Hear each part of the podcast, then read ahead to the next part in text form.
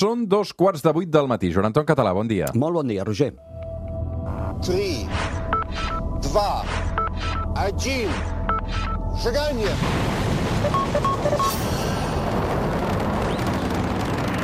One small step for man, one giant leap for mankind. Joan Anton Català, com va la vida? Molt bé, Roger, molt Amb bé. algun refredadet d'aquests que... Típic, típic. de l'hivern, eh? Per, no, per, per estar de moda, diríem. Això és la Terra Esplana, cada diumenge a l'hora que surt el sol amb el Joan Anton Català mirem cap al cel i, i un cel que no ens deixa de portar grans notícies, eh, Joan Anton? No, és que és un no parar. Jo, jo és que ja no dono l'abast, Roger, és una cosa... Avui començarem parlant de Mart. Una notícia que protagonitza el nostre planeta veí preferit, que és Mart. Aquesta setmana la NASA ha anunciat la més que probable descoberta de grans dipòsits subterranis de gel d'aigua al planeta vermell. A veure, explica'ns que, quina importància té aquesta notícia i com l'hem de calibrar. No, aquesta és una de les que explicarem, perquè, com dèiem, és que ara ha estat un no parar. Mira, això són unes observacions que ja havia fet fa anys una nau de l'Agència Espacial Europea que es diu la Mars Express. L'any 2007 va detectar, i en aquell moment va ser, va ser notícia, uns dipòsits subterranis, per tant, sota la superfície de mar, uns pocs quilòmetres, que per imatges de radar, per com reflectia els senyals de radar, aquests dipòsits semblaven indicar que hi podria haver-hi a grans concentracions de gel d'aigua. Eh, Era molt sospitós, però en aquell moment no es va poder confirmar perquè hi havia altres possibles explicacions. Per exemple, podrien ser sediments, podrien ser bancs de sorra, és a dir, eh, roques poc compactes que simulessin d'alguna manera aquesta, aquesta llum reflectida del radar i que poguessin enganyar, que diguessis, bueno, és que millor no és, no és aigua. Això està en una zona eh, que es troba molt a prop de l'equador de mar, que es diu Medusa Ephosae Formation, i eh, estan, tenen un gruix d'uns 2,7 quilòmetres. Imagina, per tant, són, són dipòsits molt, molt importants. En aquest moment, en noves dades d'aquesta mateixa nau, de la Mars Express, l'Agència Espacial Europea confirma que mm, amb molta, molta probabilitat es, es tracta de gel d'aigua, perquè han pogut descartar altres hipòtesis. Han, han simulat com sediments rocosos o com bancs de sorra reflectirien aquests senyals de radar i no, no quadra. I, i, i d'alguna manera ara les dades són, són més precises. Estaríem parlant d'unes concentracions de gel d'aigua molt importants, tan importants que si es fongués tot aquest gel, l'Agència Europea preveu que es podria cobrir tot el planeta Mart d'uns quants metres de profunditat. Carai. Tot el planeta Mart. Estem parlant d'una cosa molt important. Sabem de- que l'aigua és condició necessària perquè hi hagi i vida, no? està, i aquí està, Roger, exacte. Uh, que hi hagi aigua no vol dir que hi hagi vida, ni molt menys, això és un salt quàntic, però sí que la vida, almenys tal com l'entenem, necessita aigua. De manera que això és molt interessant. A més a més, sabem que Mart va tenir rius i llacs d'aigua líquida en superfície fa milers de milions d'anys. Podria ser que aquests dipòsits de gel fossin un fòssil, un vestigi d'aquells moments en què Mart tenia aigua líquida en superfície, després va haver un canvi climàtic que va fer que es congelés aquest planeta, podria ser que aquesta aigua ens estés parlant de com era el planeta fa milers de milions d'anys. Per tant, també té un interès des del punt de vista de la història del planeta. Hem de dir, però, que és de molt difícil accés, ja ho ha avisat l'Agència Espacial Europea, això es, es troba a uns quants quilòmetres de profunditat i en aquest moment no tenim pas la tecnologia ni per aproximació d'anar a Mart, perforar i arribar directament en aquests dipòsits. Per tant, primera notícia, aquesta descoberta de grans dipòsits subterranis de gel d'aigua a Mart. Mhm. Una altra notícia uns dies abans. A veure, un forat negre que es va detectar bastant especial l'han venut com el més antic, no?, que s'ha descobert. És, mira, és massa jove, uh, és massa gros i, me, i devora matèria massa de pressa. És, és una cosa excepcional. Mira, és un, un forat negre d'aquests que anomenem supermassius, amb una massa estimada d'1,6 milions de sols. La llum que rebem ara d'aquest forat negre, que ho hem fet a través d'observacions del telescopi espacial James Webb, es va emetre fa 13.400 milions d'anys. Això potser no diu gaire, és una xifra massa grossa com per poder-la assimilar. Anem a convertir la xifra. Això vol dir que aquest forat negre va viure i va devorar matèria enviant la llum que ara rebem quan l'univers apenas tenia el 3% d'edat. És extraordinari. És el forat negre, per tant, més antic, més en el passat eh, que veiem. S'ha detectat dins una galàxia, molt antiga també, que és una galàxia que es diu GN7Z11, i com et dic, és un forat negre que anomenem actiu. Vol dir que en el moment aquell estava devorant matèria, ara t'explicaré, a un ritme molt gros, i aquesta és justament la llum gràcies a, la, a com està devorant la, la matèria la llum que podem rebre. Què té d'especial aquest descobriment, Joan Anton? Què ens diu sobre, sobre el nostre univers? D'entrada, ja ho veiem. Primer, és, eh, és el rècord del més antic, del més distant, del més antic. Això és la primera cosa. Però, fixa't, coneixem dos menes de forats negres, que n'hem parlat sovint. Un forats negres que tenen masses equivalents al Sol, d'unes desenes de Sol. Sabem perfectament, o creiem saber perfectament, com es creen, com es formen. I és en el moment de la mort d'estels molt massius, supernoves, l'estel col·lapsa quan se li acaba el combustible nuclear, la pressió a dins, de, a l'interior és tan animal que crea aquests forats negres que anomenem forats negres estel·lars. N'hi ha milions, els coneixem força bé. Però després coneixem un altre tipus de bèstia, els forats negres que anomenem supermassius, que no tenen masses de desenes de sols, tenen masses de milions i alguns de milers de milions de sols. Per exemple, dins la nostra galàxia n'hi ha un que té la massa de 4 milions de sols. Aquests forats negres supermassius, a diferència dels altres, no coneixem exactament quin és el procés que els forma. De manera que tenim dues hipòtesis. La primera diu que potser van néixer petits, potser eren forats negres del primer tipus, no? estel·lars, que a base de menjar-se matèria van anar creixent, van anar engreixant, fins formar aquests forats negres supermassius. Però hi ha una altra hipòtesi que diu que potser ja naixerien grassos. Potser ja en el moment mateix de naixement, mm -hmm. de formació, ja serien molt massius, potser pel col·lapse directe de grans núvols de gas que hi havia en els primers instants eh, de l'univers. Clar, el fet de que nosaltres puguem detectar un forat negre que ja era gros, ja era supermassiu, fa només, després de només 400 milions d'anys després del Big Bang, sembla confirmar aquesta segona hipòtesi. Sembla dir, ah, doncs sí, doncs aquests forats negres ja neixen grassos. Però llavors ve l'altra sorpresa. I l'altra sorpresa ha estat que quan els astrònoms han analitzat el ritme al qual menja, devora matèria, devorava matèria, aquest forat negre, això supera amb cinc cops el límit teòric que nosaltres pensàvem que era possible. Això funciona de la, mateixa, de la següent manera. Quan la, la matèria cau en un forat negre, ho fa en espiral, com una aigüera, que tu obres, doncs l'aigua cau en espiral. Aquesta aigua és la que s'escalfa a milions de graus i emet la llum gràcies a la qual podem descobrir el forat negre, si no, no el podríem descobrir. És llum que encara no ha entrat dins el forat negre. Però què passa? Aquesta llum genera una pressió de dins cap a fora, de forma que suposa la caiguda de nou material. És com si el ritme al qual menja matèria un forat negre regulés el seu subministrament d'aliment. De manera que si un forat negre menja molt de pressa, es queda de seguida sense subministre perquè aquesta llum impedeix que arribi nou material. Això ens ha permès calcular un límit teòric. Els pobres humans hem calculat un límit teòric i dit, val, doncs els forats negres només poden menjar a un ritme determinat. Doncs aquest forat negre menja destrossa aquest límit cinc cops. Mm. Per tant, ens envia a la casella de sortida als humans. Ens dona una plantofada d'humilitat. Sí.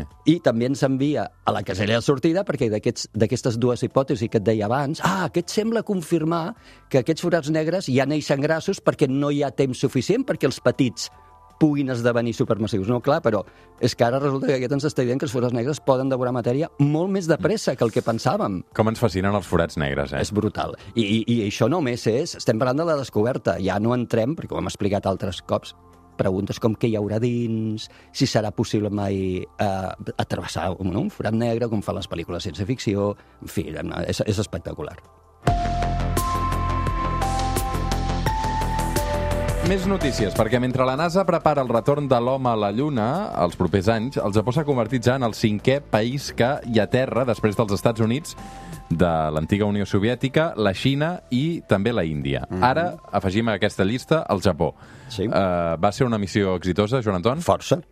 No, no del tot, però força. De fet, l'objectiu es va aconseguir. Eh, posar, posar la nau eh, suaument, perquè clar, suaument sobre la superfície de la Lluna. Es va, això va passar el divendres dia 19 a les 16 i 20 de la tarda. Ho va fer una nau japonesa que es diu Slim i ho va fer en una maniobra inèdita, mai vista per la precisió amb la qual s'intentava, perquè, de fet, es volia, i es va, eh, aterrar a la Lluna en un lloc molt concret, al costat d'un cràter que es diu on estan exposades unes roques que es creu que venen de la profunditat del mantell lunar, lunar i es troben exposades, de manera que el seu estudi és molt interessant. Però, clar, no es podia fallar amb la precisió del lloc d'aterratge, vull dir, s'havia de fer en allà.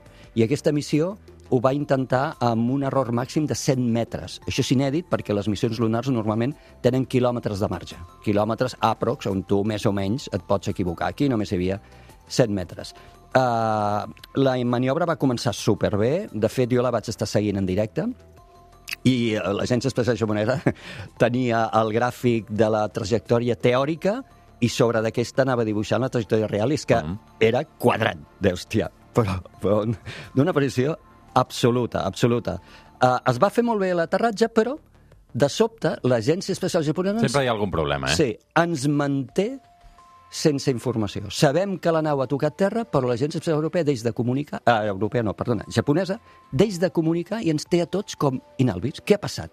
Hi ha d'haver alguna cosa. Jo, per altra banda, em connecto a les agents, a les antenes, radioantenes que té la NASA arreu del món, Mhm. per veure què estan rebent. I veig que l'antena que té la NASA a Madrid està rebent dades de la nau Slim. Per tant, dic, ei, morta no pot estar, perquè està emetent dades, però l'agència japonesa no ens està dient res. A més a més, aquesta nau, quan faltaven menys de dos metres per tocar lluna, com estava previst, allibera dos robots. Dos petits robots que salten, literalment, eh? de la nau, salten, i un d'ells comença també a emetre. I també les an- radioantenes de la NASA reben la seva missió. Però què li ha passat en aquesta nau? Triguen unes dues hores en explicar-nos-ho, perquè suposo que ells estan mirant realment què passa. I resulta que descobreixen que els panells solars han quedat mal orientats per error. No estan orientats al sol, no estan carregant bateria, la bateria s'està descarregant i només queden unes poques hores de bateria. Aleshores, ara ja està morta. No, espera, espera. Ah. Llavors, els japonesos diuen, ei, fem tots els experiments científics que puguem, Cagant llets? cagant llets, fins que veuen que la bateria està al 12%. I diu, ai, no la descarreguem del tot perquè igual no pot tornar a carregar. Aturem la nau i la fan dormir, quan quedava un 12%. Amb l'esperança, i és l'estat que estem ara, si no hi ha hagut notícies en aquestes últimes hores, a l'estat en el que estem ara, confiant l'Agència Espacial Japonesa, que com que ara és de dia a la Lluna i el Sol es va movent a poc a poc pel firmament, arribi un moment que el Sol pugui tornar a enfocar, de casualitat, els panells solars puguin ressuscitar la nau i pugui continuar treballant. Però recordem que la nau no va preparada per sobreviure la nit a la Lluna. Recordem que el dia dura 15 dies. Eh? Per tant, hi ha poc marge, hi ha poquet, molt poquet marge. Si entra la nit, probablement les temperatures tan fredes faran que aquesta bateria eh, faci caput. Escolta'm, aquesta llista d'Estats Units, eh, la Unió Soviètica, Xina, Índia, ara el Japó, que han aconseguit eh, arribar Sí. a la Lluna, eh, hi ha algun país més que s'afegeixi a aquesta cursa, també? O que... Ah, Rússia ho va intentar, eh? Sabia, l'antiga Unió Soviètica ho va fer, però Rússia ho va intentar com a Rússia i va fracassar. Això recordem que va ser a l'agost passat, quan la nau Índia, Índia Chandrayaan 3 ho va assolir. Uns dies, un parell de dies abans, la Luna 25 es va estavellar. Per tant, allà tenim Rússia, que això devia costar algun cap. A Putin no li va fer cap mena de gràcia perdre aquesta minicursa amb l'Índia. I hi ha missions privades. En vam parlar fa molt poquet, aquella, milio, aquella missió que portava restes eh, humanes a la Lluna, que finalment no va poder eh, assolir l'objectiu de, de tocar superfície lunar, eh, i en veurem altres privades, sobretot privades també, que en les pròximes setmanes poden intentar el que seria la prim, el primer cop que una missió privada toca a superfície lunar. Seran, eh, serà una missió americana. Joan Anton, i per rematar aquests anuncis i aquestes notícies vinculades amb el cel, eh, aviat es farà un espectacular anunci relacionat amb el telescopi web i la vida en d'altres indrets de l'univers. A veure, aquest, i la vida en d'altres indrets de l'univers, aquesta coeta... Uh, clar, a veure, un moment. Això està corrent per xarxes. Jo no sé si s'acabarà aquí o es convertirà en viral, no ho sé. Però hi ha com un rum-rum i alguns l'estan fent gros, aquest rum-rum, de qui podria haver, um, com has dit, pròximament un anunci espectacular del James Webb uh, que confirmés l'existència de vida a l'univers. Ho dubto molt. Crec que tot això és un fake com una catedral. Això no vol dir que no hi hagi, i tant de bo, eh, m'equivoqués. Bueno, jo ara mateix et signo que m'equivoqués. Eh? Estaria contentíssim d'admetre que m'he equivocat. Crec que és possible que hi hagi algun anunci, i d'aquí pot venir la cosa, que s'hagi escapat, no? algun anunci important del James Webb pel que fa a la descoberta de gasos en atmosferes d'exoplanetes, planetes molt llunyans, que podrien ser significatius, que podrien ser sospitosos de que hi hagués vida. Per exemple, si ells, els CTs, tenen tecnologia suficient com per observar la Terra, és possible que hagin detectat que a la nostra atmosfera hi ha oxigen i a matar. Tots dos gasos són molt sospitosos. L'oxigen el genera la fotosíntesi a la Terra. No hi ha un altre procés natural que el, que el fabriqui. No? I el matar, tot i que també el fabriquen eh, la geologia, bàsicament també prové del metabolisme. De, de manera que eh, detectar oxigen eh, amb matar en una atmosfera és com dir, mmm, això és molt sospitós. altres gasos. El sulfur de dimetà és un altre, un altre gas que a la Terra només el generen microorganismes. Detectar aquest gas en una atmosfera remota també seria com, ei, això és molt sospitós. Però, lamentablement, la confirmació, aquell dia que arribi, que tu puguis, Roger, explicant aquí que hem descobert vida fora de la Terra sí o sí, és molt complicat, perquè voldria dir que hem estat capaços d'anar-hi, baixar i comprovar certament que allò és vida. I Saludar, saludar. Saludar. I recordem, estem parlant de totes maneres de vida microscòpica, eh? I, i, i recordem que si algú mai et vol vendre un bitllet per anar a l'exoplaneta més pròxim, aquell uh -huh. que va descobrir el nostre amic Guillem Anglada Escudé, uh -huh. no n'hi ha un altre més pròxim que aquest, trigaries, amb la tecnologia actual de naus, entre 50 i 70.000 anys en arribar. Per tant, això queda fora absolutament de la nostra confirmació. Recordem que la Una nostra... notícia que no podrem explicar mai. No, espera, espera, recordem Ah. que la nostra gran aposta és Mart. Aquesta sí la podríem explicar, però això ja no és James Webb. Això són els robots que tenim, que portarem les mostres en aquí... Tu hi confies? D'aquí 10-15 anys... Em poder dedicar a mar... Bueno, és, és el que jo, ja saps que anomeno la nostra aposta de tot el vermell. És on hem apostat a la ruleta, tot el color vermell. És, és per descart, és l'única possibilitat que tenim. Després, més a mig termini, tenim Europa, que és una lluna de Júpiter, Encèlad, que és una lluna de Saturn, molt, molt interessants. Però això ja són dècades, d'aquí unes dècades. Mart ho podríem tenir entre 10 i 15 anys amb molta, molta sort, amb molta sort. Però un exoplaneta, una descoberta, una confirmació de vida per part del James Webb, la considero impossible. Uh, això no vol dir que no hi hagi d'haver, i, i d'aquí podria venir la cosa, eh? un anunci espectacular. Eh? D'aquests a dir, s'acaba de descobrir eh, o s'ha confirmat la presència de sulfur de dimetà, d'aquest gas que et deia, o d'oxigen, és igual, en una atmosfera d'un planeta a, no sé, a 150 anys llum de la Terra. Espectacular, la notícia.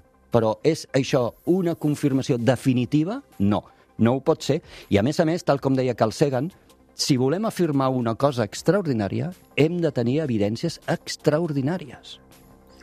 No n'hi ha prou només en observar eh, en detectar un gas. Jo penso, i, pe- però ja n'hi ha que estan jugant amb això, saps? I per xarxes socials tu vas veient que cada dia ru, ru, això es va fer més gros i més gros, i ja veurem on arribarà. A lo millor s'acaba, és una febre que s'acaba res en dos dies, o a lo millor això continua la bola aquesta, tot, tot esperant que realment hi pugui haver un anunci interessant del James Webb. Tot esperant evidències extraordinàries. Joan Anton Català, moltes, moltes gràcies. Gràcies molta sort. Parlem d'aquí una estona per mirar cap al cel una altra vegada. Fem una pausa i tornem.